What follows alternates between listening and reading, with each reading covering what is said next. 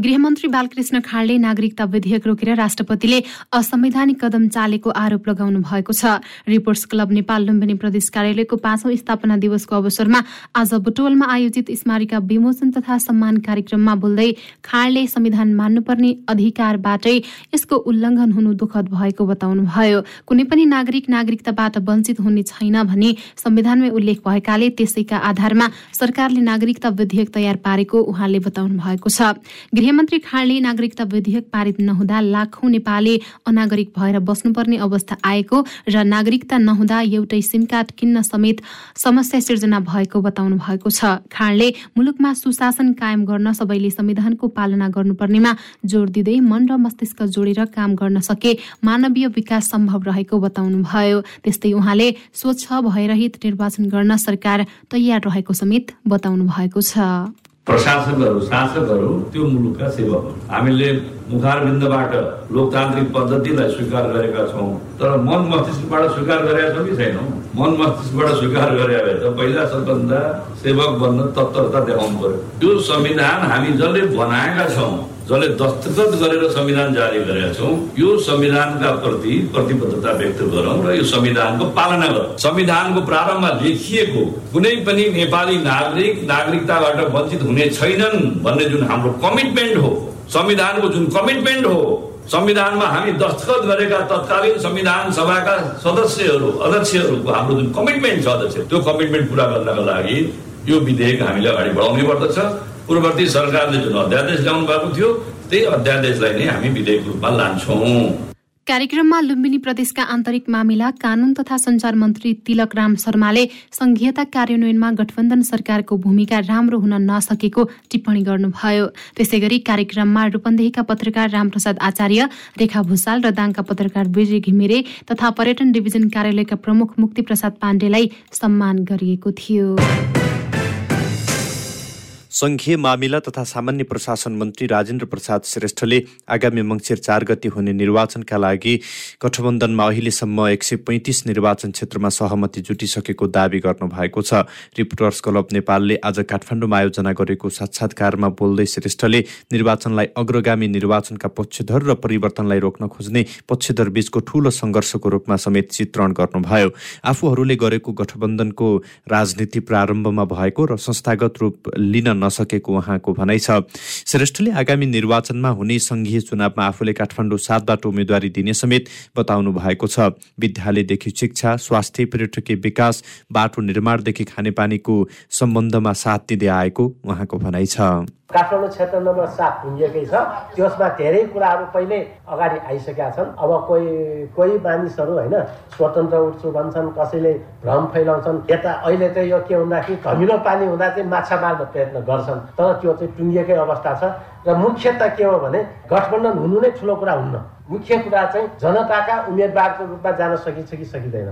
जनतासँग नौ र मासु जस्तो मिलेर जान सकिन्छ कि सकिँदैन। उहाँहरूको एसपिरेसन पुरा हुन सकिन्छ कि सकिँदैन भन्नु चुनाव भनेको चाहिँ जितेर मात्रै हुन्न। जितिसकेपछि जनताको जनमनमा रहन सक्नुपर्छ। त्यसैले अहिलेको सन्दर्भमा म सँगसँगै नेपाली कङ्ग्रेस माओवादी केन्द्र एकीकी समाजवादी सबै मेरो क्याम्पेनमा अहिले अगाडि बढिसकेकै अवस्था छ। उहाँले आगामी निर्वाचनका लागि व्यवस्थापनको सन्दर्भमा आफ्नो मन्त्रालयले आवश्यक कर्मचारी निर्वाचन आयोगमा पठाइसकेको समेत जानकारी दिनुभएको छ। नेपाली कंग्रेसका नेता मोहन बहादुर बस्नेतले मुलुकको विकासको काम कंग्रेसले मात्रै गर्न सक्ने बताउनु भएको छ।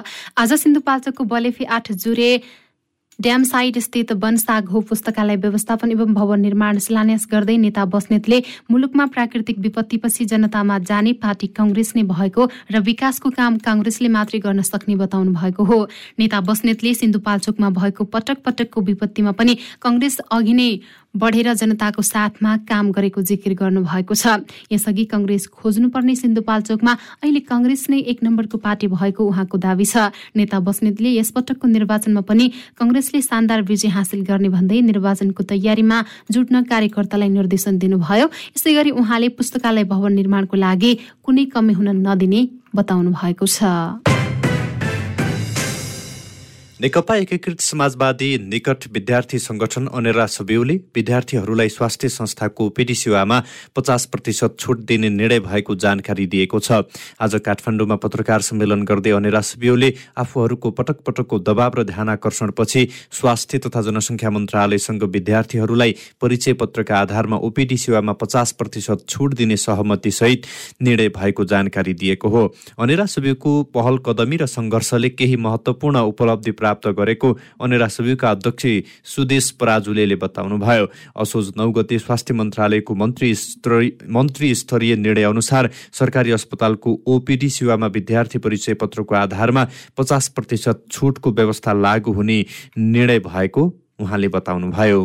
स्वास्थ्य मन्त्रालयको मन्त्री स्तरीय निर्णय अनुसार सरकारी अस्पतालको ओपिडी सेवा सेवामा विद्यार्थी परिचय पत्र पत्रको आधारमा पचास प्रतिशत छुटको व्यवस्था लागू हुने भएको छ। सुविले यसलाई विद्यार्थी आन्दोलनको उपलब्धिको रूपमा लिएको छ। यसका लागि नेपाल सरकार स्वास्थ्य मन्त्री माननीय भवा भवानी खापुङ र स्वास्थ्य राज्य मन्त्री माननीय हिरा केसीलाई हृदयदेखि हार्दिक धन्यवाद व्यक्त गर्दछु। नेपाली विद्यार्थी आन्दोलनमाथि विभिन्न खालका प्रश्नहरू उठिरहेको बेला आम विद्यार्थी समुदायको पक्षमा भएको निर्णयले विद्यार्थी आन्दोलनको औचित्य पुनर्पुष्टि भएको छ। प्राजुले नेपाली विद्यार्थी आन्दोलनमाथि विभिन्न खालका प्रश्नहरू उठिरहेका बेला आम विद्यार्थी समुदायको पक्षमा भएको यो निर्णयले विद्यार्थी आन्दोलनको औचित्य पुनः पुष्टि भएको जिकिर गर्नुभयो। आजबाट नवरात्र सुरु भएसँगै देवी मन्दिरहरूमा दर्शनार्थीहरूको भिड लागेको छ। काठमाडौँका भगवती मन्दिरमा पनि दर्शनार्थीहरूको घुइँचो लागेको छ। भद्रकाली सङ्कटा दक्षिणकाली रक्ताकाली इन्द्रायणी चामुण्डा श्री महालक्ष्मी देवी मन्दिर गोयेश्वरी मैतीदेवी नक्साल भगवती शोभा भगवती कालिका स्थान पाल्चोक भगवती लगायतका देशभरका शक्तिपीठहरूमा पूजा आराधना एवं दर्शन गर्न भक्तजनको घुइँचो लागेको हो। दुर्गाको प्रतीकका रूपमा नवरात्रको पहिलो दिनदेखि महानवमीसम्म प्रत्येक दिन छुट्टा छुट्टै नवकन्याको पूजा समेत गर्ने गरिन्छ। बडादशीको सातौं दिन धार्मिक विधि अनुसार फूलपाती भित्र्याउने महाअष्टमी र महानवमीका दिन बलि पूजा गर्नेहरूले दशैं घर कोत र शक्तिपीठमा बलिसहित विशेष पूजा गर्छन्। नवरात्रभर दुर्गा सप्तमी चण्डी श्री मह देवी भगवत र अन्य देवी स्त्रोत्रको पाठ परायण पनि गरिन्छ। पहिलो दिन शैलपुत्री दोस्रो दिन ब्रह्मचारिणी तेस्रो दिन चन्द्रघण्टा चौथो दिन कुष्माण्डा पाँचौं दिन स्कन्द माता छैटौं दिन कात्यायनी सातौं दिन कालरात्रि आठौं दिन महागौरी र नवौं दिन सिद्धिदात्री देवीको पूजा आराधना गर्ने प्रचलन रहिआएको छ। नेकपा माओवादी केन्द्रका अध्यक्ष पुष्पकमल दाहाल प्रचण्डले संविधान उल्ट्याउने प्रयास भएको बताउनु भएको छ। प्रेस सेन्टर नेपाल चितवन जिल्ला समन्वय समितिले आज भरतपुरमा आयोजना गरेको शुभकामना आदान प्रदान कार्यक्रममा बोल्दै उहाँले संविधान उल्ट्याएर गणतन्त्र कमजोर बनाउन षड्यन्त्र भएको बताउनु भएको हो। परिवर्तनको विरोधमा अहिले सामाजिक सञ्जाललाई समेत माध्यम बनाइएको उहाँको भनाइ छ। सामाजिक सञ्जालको प्रयोग गरेर प्रतिगमनकारीले पनि भ्रमित सूचना सम्प्रेषण गरेर जनमत सिर्जना गर्ने सम्भावना सम्भावना रहेको प्रचण्डले जिकिर गर्नुभयो। उहाँले आफू प्रधानमन्त्रीको रेसमा नरहेको स्पष्ट पार्नु भएको छ। लोकतन्त्रको नयाँ परीक्षा मङ्सिर चार गतेको चुनाव भएको भन्दै उहाँले त्यसको फैसला अब जनताको हातमा पुगिसकेको बताउनुभयो। नेपाली कंग्रेसको डाक्टर शेखर कोइराला समूहले पार्टी कार्यालयमा धरना दिने भएको छ। सभापति एवं प्रधानमन्त्री शेरबहादुर देउवाप्रति असन्तुष्टि जनाउँदै पार्टीमा समान न्याय र अवसरको माग गर्दै शेखर पक्षको दोस्रो तहका नेताहरूको बैठक। ठमेलस्थित एक होटेलमा आज बसेको थियो। उक्त बैठकले पर्से असोज बाह्र गते पार्टी केन्द्रीय कार्यालय सानेपामा एक घण्टा धरना दिने निर्णय गरेको हो। मध्याह बाह्र बजेदेखि एक बजेसम्म धरना दिइने कोइराला पक्षका नेताहरूले बताएका छन्। यसै गरी असोज चौध गतेसम्म पनि समानुपातिक सूची नसच्याए थप विरोधका कार्यक्रम गर्ने बैठकको निर्णय छ। बैठकमा केन्द्रीय सदस्यहरू प्रतिमा गौतम मधु आचार्य अजय बाबु शिवाकोटी प्रकाश स्नेही लगायतको उपस्थिति रहेको थियो। पार्टीमा चालिस प्रतिशत सिट मागिरहेको कोइराला समूहका नेताहरूले समानुपातिक उम्मेद्वार चयनमा सभापति देउवाले एकलौटी गर्ने प्रयास गरेको भन्दै विरोध गर्दै आएका छन्। समानुपातिक सूचीमा रहेका नाम सच्याउनुपर्ने उनीहरूको माग छ।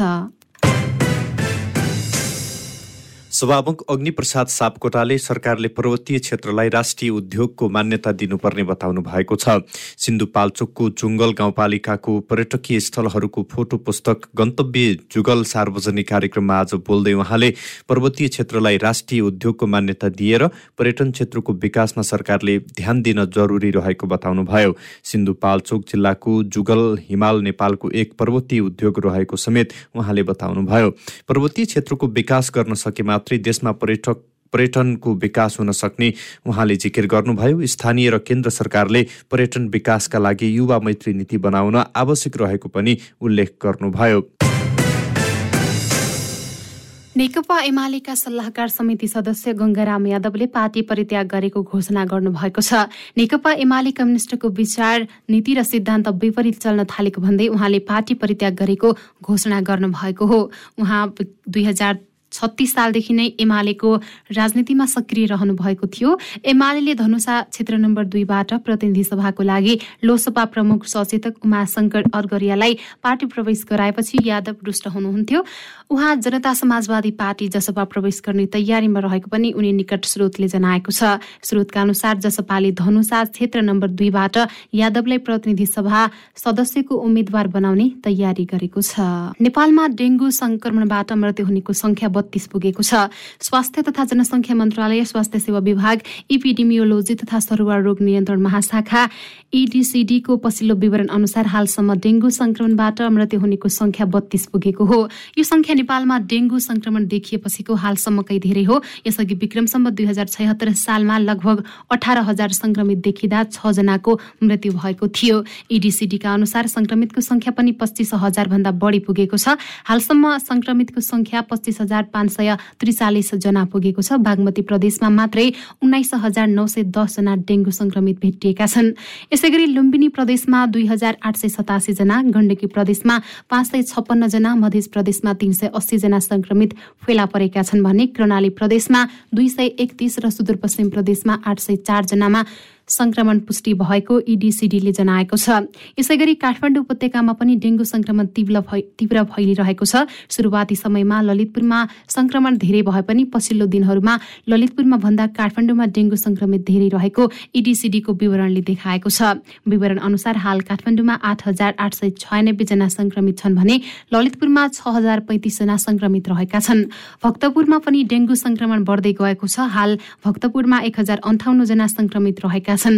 यसै गरी मकवानपुरमा दुई हजार दुई सय पचहत्तरजना दाङमा एक हजार दुई सय अठहत्तरजना रूपन्देहीमा सात सय पच्चिस चितवनमा छ सय एक धादिङमा चार सय उनापचास गुल्मीमा दुई सय उनासय र कैलालीमा दुई सय अन्ठानब्बेजना डेङ्गुका संक्रमित रहेका छन्। नेकपा एकीकृत समाजवादी अछामका अध्यक्ष हिरण भट्टराई सहितका जिल्ला कमिटिका नेताहरू नेकपा एमालेमा समाहित भएका छन्। पार्टी केन्द्रीय कार्यालय च्यासलमा भएको एक कार्यक्रममा उहाँहरू एमालेमा फर्किएका हुन्। उहाँलाई नेकपा एमालेका महासचिव शङ्कर पोखरेल प्रदेश इन्चार्ज लेखराज भट्ट अछाम जिल्ला इन्चार्ज तथा केन्द्रीय सदस्य झपट बोहरा केन्द्रीय सदस्य कर्णचन्द लगायतका नेताहरूले स्वागत गरेका छन्। नेकपा समाजवादी अछाम अध्यक्षसहित चौबिसजना एमालेमा समाहित भएको केन्द्रीय सदस्य तथा अछाम इन्चार्ज झपट बोहराले जानकारी दिनुभयो। प्रधानमन्त्री तथा नेपाली कंग्रेसका सभापति शेरबहादुर देउवा विरुद्ध डडेलधुराबाट चुनाव लड्ने घोषणा गरेका सागर ढकालले चन्दा संकलन गर्न थालेका छन्। ढकालले अनलाइन मार्फत चुनाव लड्न आर्थिक सहयोग गर्न अपिल गरेका हुन्। प्रचार प्रसारको लागि आर्थिक सहयोग आवश्यक रहेको भन्दै उनले यी सेवा खल्ती वा ब्याङ्क खातामा पैसा जम्मा गर्नको लागि ढकालले सार्वजनिक अपिल गरेका हुन्। चन्दा उठाएर चुनाव लड्ने लागेको भन्दै ढकालको विरोध हुन थालेको छ। पाँच वर्ष अघि बीबीसीको साझा सवाल कार्यक्रममा देउवालाई प्रश्न सोधेर गुल्मीका ढकाल त्यसपछि चर्चामा आएका थिए। बैतडीको दोगदा केदार गाउँपालिका दुई बसारका बा पहिरो पीडितलाई गाउँपालिकाले राहत वितरण गरेको छ। अविरल वर्षासँगै आएको पहिरोले आइतबार घर भत्किएको झापुली नावगारीको परिवारलाई गाउँपालिकाले पचास हजार नगद सहित कपडा कम्बल भाँडाकुँडा र खाद्यान्न दिएको हो। पहिरोले नगारीको घर भत्किँदा तीनवटा बाख्रा मर्नुका साथै घरभित्र रहेको सबै धनमाल नष्ट भएको थियो। पहिरो गएका वखत घरभित्र कोही नभएकाले मानवीय क्षति हुनबाट जोगिएको थियो। पीडित परिवारलाई तत्कालका लागि आवश्यक सामग्री र वासस्थान व्यवस्थापनका लागि रकम प्रदान गरिएको नगरपालिकाका प्रमुख प्रशासकीय अधिकृत रविन्द्र बहादुर धामीले बताउनुभयो। वर्षाको वीरगञ्जमा चट्याङ लागेर एक किशोरको मृत्यु भएको छ। अन्य तीनजना घाइते भएका छन्। आज बिहान वर्षासँगै आएको चट्याङले लागेर वीरगञ्ज महानगरपालिका दुई छपकैयाका रामप्रसाद उपाध्यायका छोरा पन्ध्र वर्षीय सिद्धान्त उपाध्यायको मृत्यु भएको हो। छपकैया ईदगाह चौकस्थित छठ घाट पोखरी नजिकैको चौरमा क्रिकेट खेलिरहेको अवस्थामा चट्याङ लागेर उनीसहित फुलसेन फुलनेसा खातुन र तेह्र वर्षीय अर्जुन रावत घाइते भएका थिए। उनीहरूलाई उद्धार गरेर उपचारको लागि नारायणी अस्पताल पुर्याउँदा सिद्धान्तको मृत्यु भइसकेको जानकारी अस्पतालले दिएको जिल्ला प्रहरी कार्यालय पर्साले जनाएको छ। घाइते मध्ये अर्जुनको अवस्था गम्भीर रहेको छ। त्यसै गरी सोही जिल्लाको बिन्दावासिनी गाउँपालिका चार अमरपट्टि बस्ने पच्चिस वर्षीय कुन्दन दास समेत घाइते भएका छन्। पूर्व पश्चिम राजमार्ग अन्तर्गतको नारायणगढ बुटोल सडक खण्ड विस्तारमा ढिलाइ भएको जनाउँदै सरकारले ठेक्का रद्द गर्न सक्ने चेतावनी दिएको छ। सडक विभागको दक्षिण एसिया उपक्षेत्रीय आर्थिक सहयोग सडक सुधार परियोजनाले सार्वजनिक सूचना जारी गर्दै निर्माण कम्पनीको कार्यशैलीमा परिवर्तन नआए ठेक्का सम्झौता रद्द गर्ने जनाएको हो। नारायणगढबाट बुटोलसम्मको जम्मा एक सय चौध किलोमिटर सडकलाई दुई खण्डमा विभाजन गरेर ठेक्का लगाइएको थियो। बडा दशैंमा काठमाडौँ उपत्यकाबाट आफ्नो स्थायी घर फर्किने यात्रुको संख्या बढेको छ। अहिले दैनिक रूपमा नागढुङ्गा सागा भन्ज्याङ मुटखु र पर्फिङ हुँदै फर्पिङ हुँदै उपत्यका छोड्नेको संख्या दैनिक पचास हजार जनाभन्दा माथि रहेको छ। यसपटक दशैंमा झण्डै बीस लाख व्यक्ति उपत्यकाबाट बाहिर जाने अनुमान गरिएको महानगरीय ट्राफिक कार्यालयका प्रवक्ता राजेन्द्र प्रसाद भट्टले बताउनु भएको छ। अघिल्लो दुई आर्थिक वर्षमा कोरोना लगायतका कारणले दशैंमा घर दसैँका बेला पनि उपत्यकाबाट बाहिर जानेको संख्या कम थियो। तीन वर्ष अघि काठमाडौँ उपत्यकाबाट दसैँका अवसरमा घर फर्कनेको संख्या बीस लाख जनाको हाराहारीमा रहेको तथ्याङ्क छ। दसैँमा घर जाने यात्रुलाई सहजीकरण गर्न ट्राफिक प्रहरीले गुङ्गबो चावहिल कोटेश्वर कलङ्की लगायत उपत्यकाका चौध ठाउँमा यात्रु सहायता कक्ष स्थापना गरेको छ। यातायात व्यवसायीले पनि दसैँका लागि पर्याप्त गाडी उपलब्ध हुने प्रतिबद्धता जनाउँदै गाडीको अभाव नहुने भएकाले यात्रुलाई ढुक्क भएर टिकट लिएर मात्र गन्तव्यतर्फ प्रस्थान गर्न गर्न सुझाव दिएको छ। अहिले उपत्यकाभित्र भित्रिने गाडीको तुलनामा बाहिर जाने गाडी र यात्रुको संख्या उल्लेख्य रूपमा वृद्धि भएको छ। प्रहरीले छतमा नचढ्न गाडीमा नझुन्डिन र कसरी यात्रा गर्दा सुरक्षित हुन्छ त्यसतर्फ आफै सचेत रहन सबै यात्रुसँग आग्रह गरेको छ। चालु आर्थिक वर्ष दुई हजार उनासी अस्सीको दुई महिनामा नेपालले विभिन्न देशबाट पाउने अठार अर्ब रुपियाँको तेल आयात गरेको छ। भन्सार विभागका अनुसार दुई हजार उनासी सालको साउन र भदौ महिनामा कुल सत्र अर्ब सत्तरी करोड अन्ठाउन्न लाख अडचालिस हजार रुपियाँ को कच्चा भटमास सनफ्लावर र पाम तेल नेपाल भित्रिएको विभागले जनाएको छ। सो मूल्यमा आठ करोड अडसठी लाख अडसठी हजार एक सय अठार लिटर कच्चा भटमास सनफ्लावर र पाम तेल नेपालले आयात गरेको छ। विभागका अनुसार गत दुई महिनामा नौ अर्ब आठ करोड चौपन्न लाख तेइस हजार रुपियाँको चार करोड दुई लाख सतसठी हजार दुई सय तिरासी लिटर कच्चा भटमास तेल नेपाल भित्रिएको छ। सोही समयमा विभिन्न देशबाट छ अर्ब एकसठी करोड सत्तरी लाख उनातिस हजार रुपियाँको तीन करोड छैसठी लाख अस्सी हजार पाँच सय चौबिस लिटर कच्चा पाम तेल नेपाल आएको छ। त्यसै गरी दुई अर्ब तेत्तिस लाख पन्चानब्बे हजार रुपियाँको उनान्सय लाख बिस हजार तिन सय एघार लिटर कच्चा सनफ्लावर तेल नेपालले आयात गरेको हो। सरकारले बैङ्क ब्याजदरमा प्रत्यक्ष हस्तक्षेप गर्ने सङ्केत गरेको छ। उद्योगी व्यवसायीले ब्याजदर घटाउन चर्को दबाब दिएपछि सरकारले त्यसमा हस्तक्षेप गर्ने सङ्केत गरेको हो। गत बिहिबार दोस्रो लिग लिग फालुङटार महोत्सवमा बोल्दै अर्थमन्त्री जनार्दन शर्माले बैङ्कमा पैसा थुपारेर उत्पादन बढाउन नसकिने भन्दै निक्षेपको ब्याजदर घटाउन लागि परेको बताउनु भएको थियो। त्यसको तिन दिनपछि अर्थ मन्त्रालयले हिजो ब्याजदर वृद्धि नियन्त्रण गर्ने सन्दर्भमा समिति बनाएको छ। मन्त्रालयको आर्थिक नीति विश्लेषण महाशाखाका प्रमुख एवं महा सहसचिव बाबुराम सुवेदीको नेतृत्वमा समिति बनेको हो देशको पछिल्लो आर्थिक अवस्था तथा व्यावसायिक क्षेत्रबाट देखाइएको चासोका विषयमा विश्लेषण गरी एक हप्ताभित्र सुझाव दिन भन्दै सुझाव समिति गठन गरिएको हो। क्यान्डेड न्युजमा अब अन्तर्राष्ट्रिय समाचार। दक्षिण पश्चिम पाकिस्तानमा हेलिकप्टर दुर्घटनामा छ पाकिस्तानी सैनिकको मृत्यु भएको छ। एक महिनाको अवधिमा यो दोस्रो हवाई दुर्घटना हो। अफगानिस्तान र इरानको सीमा जोडिएको बलुचिस्तान प्रान्तको सानो सहर खोस नजिकै हेलिकप्टर खसेको थियो। उडान मिसनमा रहेको हेलिकप्टर आइतबार राति ढिलो दुर्घटनामा परेको थियो। दुर्घटनामा सेनाका दुई मेजर सहित छजना कर्मचारीले शहादत प्राप्त गरेका छन्। सेनाले एक विज्ञप्तिमा भनेका छन् दुर्घटनाको बारेमा थप विवरण दिइएको छैन हेलिकप्टर खसेको क्षेत्र बाढीबाट प्रभावित छैन। अगस्तमा बलुस्तानमा हेलिकप्टर दुर्घटना हुँदा सेनाका उच्च कमान्डर सहित छजनाको मृत्यु भएको थियो। दक्षिण कोरिया र अमेरिकाले आजदेखि प्राय द्वीप नजिकै पहिलो पटक संयुक्त नौसैनिक अभ्यास सुरु गरेका छन्। पोङयाङले ब्लास्टिक मिसाइल प्रक्षेपण गरेको एक दिनपछि दुई राष्ट्रले संयुक्त रूपमा आज सैन्य अभ्यास सुरु गरेका हुन्। वासिङटन सियोलको मुख्य सुरक्षा साझेदार हो र उसले आणविक रूपमा सशस्त्र उत्तर कोरियाबाट रक्षा गर्न दक्षिण कोरियामा अठाइस हजार पाँच सय सैनिक खडा गरेका छन्। उत्तर कोरियासँग आफ्ना अग्रज तथा पूर्व राष्ट्रपति मुन जाय इनको असफल कूटनीतिपछि मे महिनामा कार्यभार सम्हालेका दक्षिण कोरियाका वर्तमान राष्ट्रपति युन सुक योलले अमेरिकासँग संयुक्त सैन्य अभ्यास वृद्धि गर्ने प्रतिबद्धता जनाएका हुन्।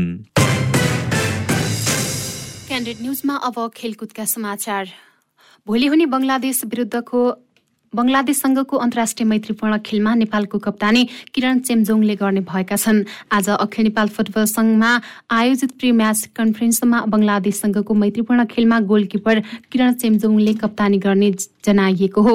त्रिपुरेश्वरमा रहेको दशरथ रङ्गशालामा हुने खेलका लागि नेपाली टोलीको तयारी पूरा भएको छ। खेल दशरथ रङ्गशालामा भोलि बेलुकी पाँच बजे हुनेछ।